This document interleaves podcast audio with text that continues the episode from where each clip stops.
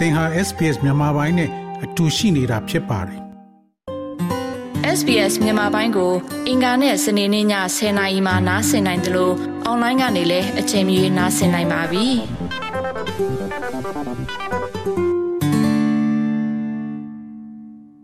စစ်ကောင်စီအာဏာသိမ်းပြီးနောက်ပိုင်းတနေ့ခွဲခန့်အကြာမှာတော့မြန်မာနိုင်ငံရဲ့နိုင်ငံရေးဖြစ်စဉ်တွေမှာနိုင်ငံတကာရဲ့ပါဝင်မှုတွေအကောင်းလာတယ်လို့ဆိုကြပါတယ်။ အခုရက်ပိုင်းအတွင်း နိုင်ငံရေးဆွေးနွေးမှုတွေထဲမှာ အာဆီယံကိုယ်စားလှယ်နဲ့ တရုတ်နိုင်ငံသားရေးဝန်ကြီးတို့ရဲ့ ခရီးစဉ်ဟာ လူအများစိတ်ဝင်စားစရာ ဖြစ်လာခဲ့ပါတယ်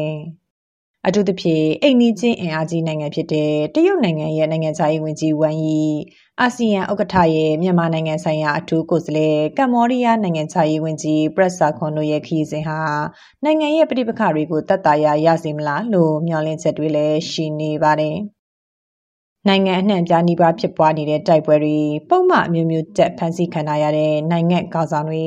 နှိမ့်ဆက်အကျဉ်းချခံရတဲ့တက်ကြွလှူရှာသူတွေနဲ့စိုးရိမ်စိတ်တွေကြားမှာနေ့စဉ်နဲ့အမျှဖြတ်တန်းနေရတဲ့ပြည်သူတွေအတွက်တော့နိုင်ငံတကာပါဝင်မှုနှုန်းကိုပုံမမျောလင်းနေကြတာပါပြီးခဲ့တဲ့ဧပြီလကုန်ပိုင်းတုန်းကတော့နိုင်ငံဒီမိုကရေစီပြန်လည်ရရှိရေးအတွက်အဖွဲ့အစည်း900ကျော်ကတရုတ်သမ္မတရှီကျင်းပင်ထံအိတ်ဖွင့်ပေးစာပေးပို့ခဲ့ပါတယ်။ အဲ့ဒီလိုဆောင်ရွက်မှုရဲ့တက်ရောက်မှုအခြေအနေနဲ့ပတ်သက်ပြီးဒီမိုကရေစီဖွံ့ဖြိုးတိုးတက်ရေးလှုပ်ရှားဆောင်ရွက်မှုကော်မတီ ACDD ရဲ့စီယုံလှုံ့ဆော်ရေးမှုမတ်တင်စာရှွန်လေကအခုလိုပြောပါတယ်။ အာမြန်မာပြည်ကဒီတော်လိုင်းအင်အားစုတွေတပိတ်ကော်မတီတွေចောင်းသားသမဂ္ဂတွေဒါအပြင်ဒီအာနိုင်ငံရေးပါတီတွေအပါအဝင်အားလုံးဖွဲ့စည်းပေါင်း900နီးပါးကဒီတရုတ်သမ္မတရှီကျင်းပင်စီကိုအိတ်ဖွင့်ပေးစာပို့ခဲ့တယ်အဲ့ဒီမှာအကြံပြုချက်တွေအပြင်ကျမတို့ရဲ့အခြေအနေတွေကိုရှင်းပြတာနောက်လှုပ်သိမ်းလှုပ်ထိုက်တဲ့အလုပ်တွေကိုဒါတော့လဲတေချာစနစ်တကျနဲ့ရေးသားပေးပို့တယ်ဒီအိတ်ဖွင့်ပေးစာပေါ်မှာတုံ့ပြန်မှုရေလို့ မမဒီကျမတို့လောလောလလပြစရာဘာမှမရှိတဲ့အပြင်ကိုအခုလိုမျိုးဒီလန်ချမ်းမဲခေါင်အဲဒီဒေတာတွင်ရဲ့အစည်းအဝေးကိုเนาะတရုတ်နိုင်ငံနိုင်ငံခြားရေးဝန်ကြီးကိုယ်တိုင်ကပကံမှာလာပြီးအစည်းအဝေးလုပ်တယ်ဆိုတဲ့အရာဒီအဲကျမတို့ပြည်တွင်းမှာဖြစ်နေတဲ့ပြည်သူတွေရဲ့ဒုက္ခကိုဒါမျက်ကွယ်ပြုလိုက်တဲ့လောက်ရတစ်ခုလို့ကျမတို့မြင်တယ်ဒါအပြင်ဒီလိုမျိုးအစည်းအဝေးကို ပကံပေါ့နော်ပကံမြန်မာပြည်ရဲ့ဒါအနှစ်ဖြစ်တဲ့ပကံမှာလာပြီးကျင်းပတယ်ဆိုတာဒီမြန်မာနိုင်ငံကိုဒါဟိုနိုင်ငံတကာမှာလည်းဒီလိုအစည်းအဝေးတွေပြန်လုပ်နိုင်နေပြီနော်ဟိုခြားနိုင်ငံတကာကဒီမဲခေါင်လန်ရှမ်းကိုလာတက်တဲ့ဟိုအခြားနိုင်ငံအစိုးရခေါင်းဆောင်တွေကိုလည်းဒါဖိတ်ခေါ်ပေးလိုက်တယ်ဆိုတာသူကတော့ပို့ပြီးတော့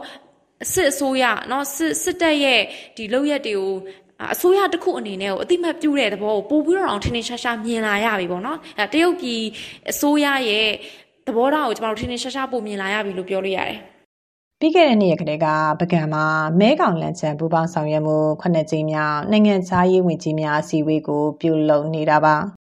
နေ့စဉ်နဲ့များဖြစ်ပေါ်နေတဲ့မြို့ပြအသီးသီးကဘုံပေါက်ကွဲမှုတွေတိုင်းရင်းသားဒေသအသီးသီးကအတိုက်ခံဖွဲ့စည်းတွေအပေါ်စစ်ကောင်စီရဲ့လေကြောင်းထိုးစစ်တွေဒီလိုပြိပခါတွေကြားမှာတွေ့ဆုံနေတဲ့ဒီစီဝေပွဲဟာပြည်သူတွေရောအဖွဲ့အစည်းတွေကပါစောင့်ကြည့်စရာဖြစ်ခဲ့ပါတယ်။ ဒါဟာအာနာသိန်းစာကလေးကရင်ဆိုင်နေရတဲ့ CDM လှုပ်ရှားမှုအဖက်ဖက်ကပိတ်ဆို့ခံထားရတဲ့နိုင်ငံတကာအရေးယူမှုငွေကြေးရန်ရာရပ်တန့်စေတဲ့ boycott လှုပ်ရှားမှုဒေတာအသီးသီးကစစ်စကန်တွေကို ထိုးစစ်ဆင်ခံနေရမှုတွေကနေရုံထွက်ဖို့စစ်ကောင်စီကကြိုးပမ်းနေတာလို့ဝေဖန်မှုတွေလည်းရှိနေပါတယ် ဒီတွေ့ဆုံမှုဟာ NCA လက်မှတ်ရေးထိုးထားတဲ့တိုင်းရင်းသားလက်နက်ကိုင်အဖွဲ့ EAO တွေကိုတွေ့ဆုံဆွေးနွေးဖို့ဖိတ်ခေါ်မှုပြီးမှတဆင့်ထပ်တိုးလှုပ်ဆောင်တာလို့ဆိုနိုင်ပါတယ်။လက်ရှိပကံမှာတွေ့ဆုံမှုနဲ့ပတ်သက်ပြီးကရင်ပြည်အတိုင်းအမြခံကောင်စီဝင်ဦးခူးထေမှုကဒါတော့စစ်ကောင်စီအဖွဲ့ဝဲအကျိုးပိုဖြစ်စီတာဘောနော်သူတို့ဒီအခုလောတဲ့ချက်တဲ့ကာလာယုံဖွဲ့မှုတဲ့ကာလာဒီမှာ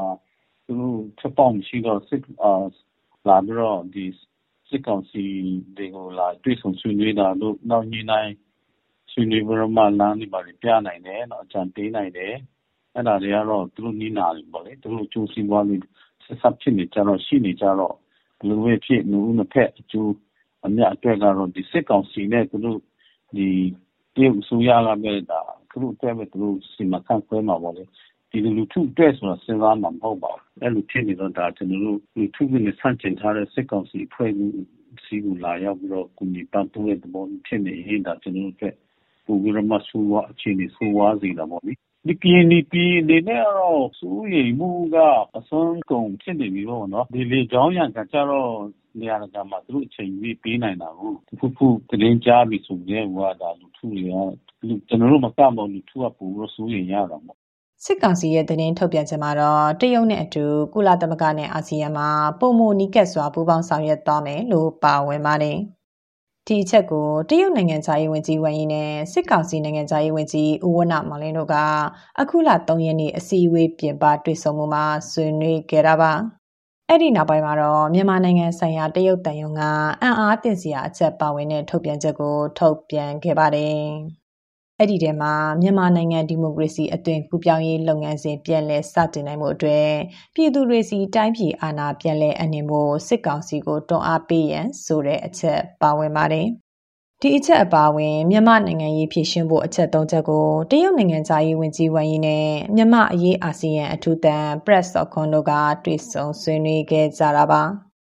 ကြပြင်ဝမ်ယီကစစ်ကောင်စီကိုအကြိုက်အခံတွေနဲ့တွေ့ဆုံဆွေးနွေးဖို့တောင်းဆိုထားပါတယ်။အာဆီယံတန်ကိုယ်စားလှယ်ကလည်းဒေါအောင်ဆန်းစုကြည်ကိုတွေ့ခွင့်ရဖို့မြန်မာအကြက်တဲကိုပါဝင်ဖြည့်ရှင်းပေးဖို့တောင်းဆိုအကြံပြုထားပါတယ်။ဒီလိုတွေ့ဆုံဆွေးနွေးမှုမျိုးဟာနိုင်ငံရေးအကြက်တဲရဲ့နောက်ဆုံးအခြေအနေမှာပဲဖြစ်ပေါ်လာနိုင်တယ်လို့ပြောလာသူကနိုင်ငံရေးလှိလာသုံးသက်သူဦးရဲချောမှာဒီကဲမှာဖြစ်နေတဲ့နောက်ဆုံးနိုင်ငံတိုင်းပြိပခတ်ပေါ့နော်အဲ့ PDF တွေနဲ့ဖြစ်နေတဲ့ နစကနဲ့ကြားကဖြစ်နေတဲ့ ပဋိပက္ခက မပြေလည်အလွယ်တကူနဲ့ သူတို့ ထိန်းချုပ်မှု မလုပ်နိုင်တော့ဘူးဆိုတဲ့ နိုင်ငံရေးအခြေအနေပေါ့နော်။အဲဒါကို သဘောပေါက်လာတဲ့ တနေ့မှာတော့ ဒေါ်အောင်ဆန်းစုကြည်နဲ့ ဆွေးနွေးခြင်းကသာ ဒီဟာကို အဆုံးသတ်နိုင်လိမ့်မယ်လို့ သူတို့ နားလည်လာတဲ့အချိန်။အဲဒီအချိန်မှာ ဖြစ်လာနိုင်တယ်လို့ ကျနော်ကတော့ ယူဆပါတယ် ပြည်တွင်း တိုင်းရင်းသား လက်နက်ကိုင်တွေ အနေနဲ့လည်း အာဏာသိမ်း စစ်ကောင်ဆောင်ရဲ့ ဖိတ်ခေါ်မှုမှာ NCA ထိုးထားတဲ့ အဖွဲ့တွေကရှစ်ဖွဲ့သာ လက်ခံတွေဆုံခဲ့ပါတယ်။မြေပြင်ခြေနေမှာတော့ အင်အားကြီးအဖွဲ့တွေဖြစ်တဲ့ ကချင်လွတ်မြောက်ရေးတပ်မတော် KIA ကရင်အမျိုးသားအစည်းအရုံး KNU ရခိုင်တပ်တော် AA နဲ့ ချင်း ကရင်နီစကိုင်းနဲ့ မကွေးဒေသ အသီးသီးမှာပြည်ပခါရီရှင်တန်ကြီးထွားနေစေပါ။ နိုင်ငံရေးပြဿနာကို တိုက်ပွဲတွေထဲဇပွဲဝိုင်းပေါ်မှာ တွေ့ဆုံဆွေးနွေးအပြေရှာဖို့ အာဆီယံကလည်း တိုက်တွန်းထားပါတယ်။မြန်မာနိုင်ငံရဲ့ ငြိမ်းချမ်းရေးလုပ်ငန်းစဉ်ဥဆောင်အဖွဲ့ PPSD အနေနဲ့လည်း အမျိုးသားညီညွတ်ရေးအစိုးရအန်ယူဂျီအာနာသိန်း စစ်ကောင်စီနဲ့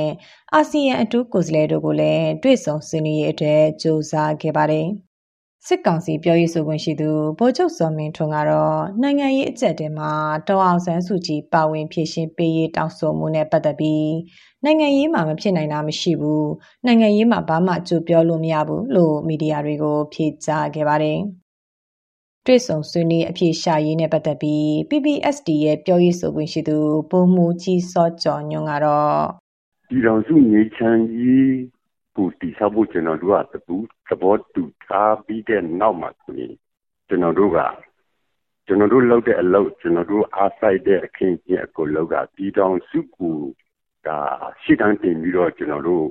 နှလုံးသားထဲမှာသွင်းပြီးတော့အာယုစိုက်ပြီးတော့အာအဲ့ဒါကိုဟို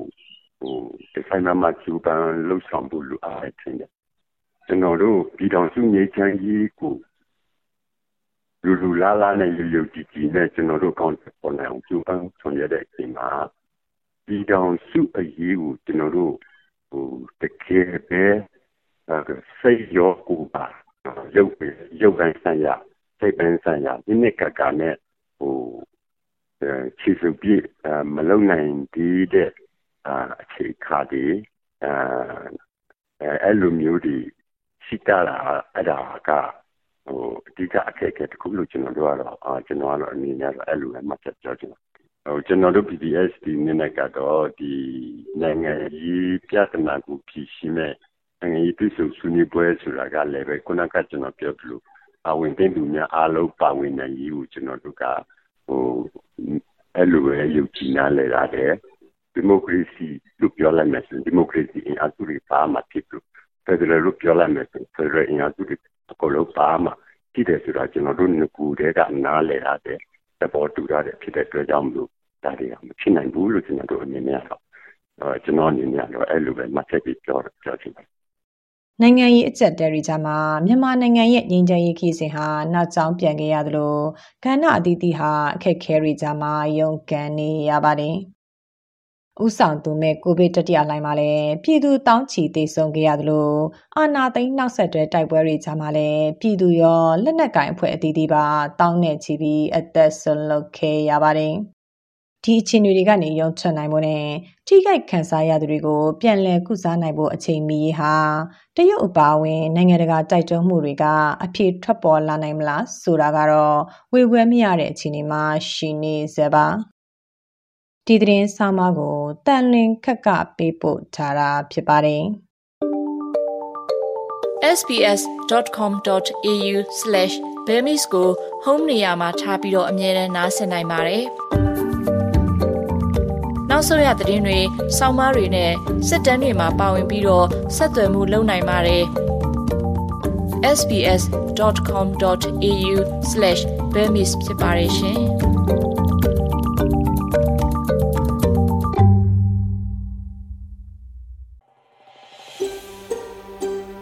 ဒါမျိုးသတင်းဆောင်မာတွေကိုပိုနားဆင်လိုပါလား Apple Podcast Google Podcast Spotify တို့မှာသင်ပင်ရာဖြစ်ဖြစ်ရယူတဲ့ podcast ကနေပါ